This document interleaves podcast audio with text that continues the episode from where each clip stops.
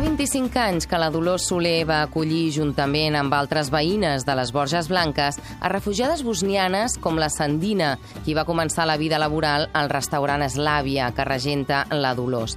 En el seu cas va ser a través del Centre Internacional Escarrer per les minories ètniques i les nacions, el CIAMEN, que van conèixer la situació dels refugiats.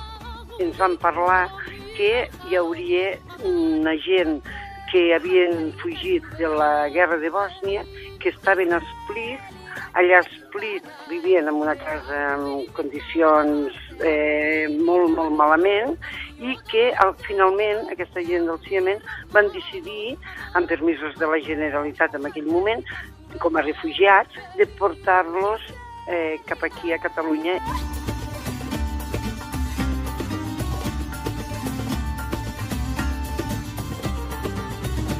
Des del primer dia vam començar-los a donar classes de català i en sis mesos ja parlaven català. Sabien la llengua perfectament i es podien moure per aquí al poble d'una manera natural i normal. Dues famílies van viatjar des del sud de Croàcia a les Borges Blanques, on es van poder integrar i recuperar-se durant tres anys. Avui ja viuen a Bòsnia, però venen sovint de visita.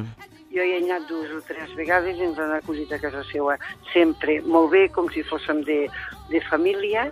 I ara, fa una setmana, 15 dies, estar aquí la Iseta, que hi van venir aquí, ens van veure amb les nenes ja grans i, i, i mantenim, mantenim contacte encara amb totes elles. Eh?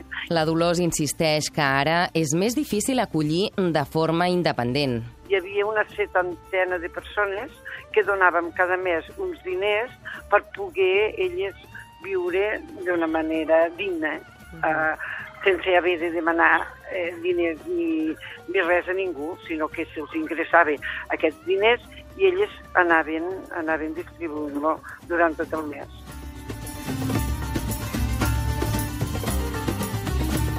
Ara per ara és molt difícil i ho hem demanat, eh? A veure si doncs poguéssim acollir gent siriana o d'altres països i és molt difícil d'aconseguir-ho, eh? Passi per d'altres vies. Està controlat des de l'estat espanyol i tampoc no pot lliurement demanar, com nosaltres en aquell moment d'una manera lliure vam demanar, volem acollir dues, tres famílies i cap problema. Això actualment, clar, no pot ser, no es dona així. Han canviat molt les coses. Recordem que als anys 90 la ciutat de Sarajevo es va convertir en el districte 11 de Barcelona i des d'aleshores ONGs com City to City, Districte 11 o IGMAN, Acció Solidària, continuen treballant amb Sarajevo.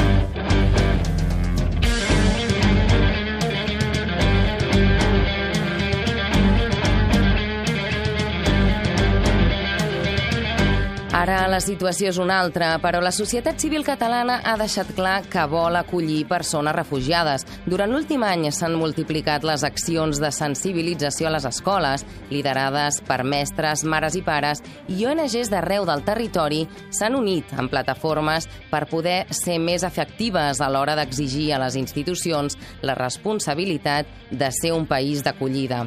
Al mes de febrer, els ciutadans van tenir de blau als carrers de Barcelona per exigir el dret dret dels refugiats a viure dignament. La societat civil s'organitza i s'avança a les institucions que intenten donar resposta a un altre ritme. Al mes de gener, la Generalitat va llançar el programa català de refugi per atendre a les persones refugiades i garantir la seva integració.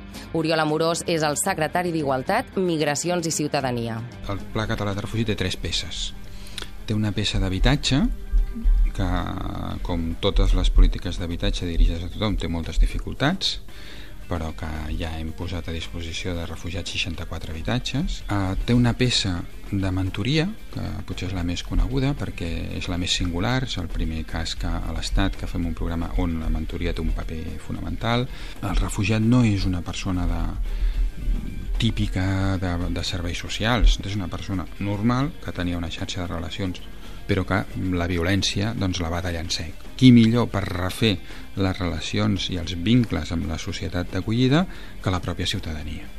Al programa de mentoria s'hi van apuntar 2.800 persones, de les quals 1.600 es van inscriure als cursos de formació i 1.250 l'han acabat. Es tracta de grups de 3 o 5 mentors que acompanyaran a una família de refugiats. La Teresa Martorell és mestra de primària en una escola pública i ens explica per què s'hi va apuntar. Tot el desconegut em fa por, no? És una manera també mm, jo de conèixer una mica diferents cultures i, i d'anar acceptant, no? Eh, tal com són les persones i, i encara que tinguin una cultura diferent, doncs en, ens podem anar eh, ajudant uns als altres, no? El grup de mentors es compromet a dedicar entre dues i quatre hores setmanals a l'atenció de les persones refugiades durant un any. Nosaltres som cinc persones que serem mentores, el que sembla que és el que hem de fer eh, és una tasca més d'acompanyament personal, d'obrir-los una mica tot el que és la nostra xarxa de relacions, inclús també ajudar-los una mica amb el que és eh, la llengua, no? Mai hem de fer una feina que sigui administrativa, diríem, o, o burocràtica, però sí, doncs mira, si dius, mira, doncs jo conec aquest que busca un dependent o que busca un cambrer o alguna cosa així, poder facilitar-los tot el que siguin contactes, i poder tenir ells també una xarxa social, no?, i ajudar-los a integrar-se una mica dins de lo que és el nostre poble, no?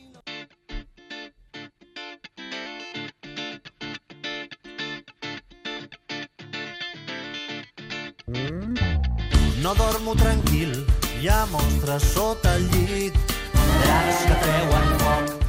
Aquesta iniciativa pren com a referència experiències com les desplegades al Canadà, al Quebec, a Islàndia, en matèria d'integració sociolaboral i també l'experiència acumulada a Catalunya en qüestions de mentoria social amb joves extutelats, persones grans o immigrants.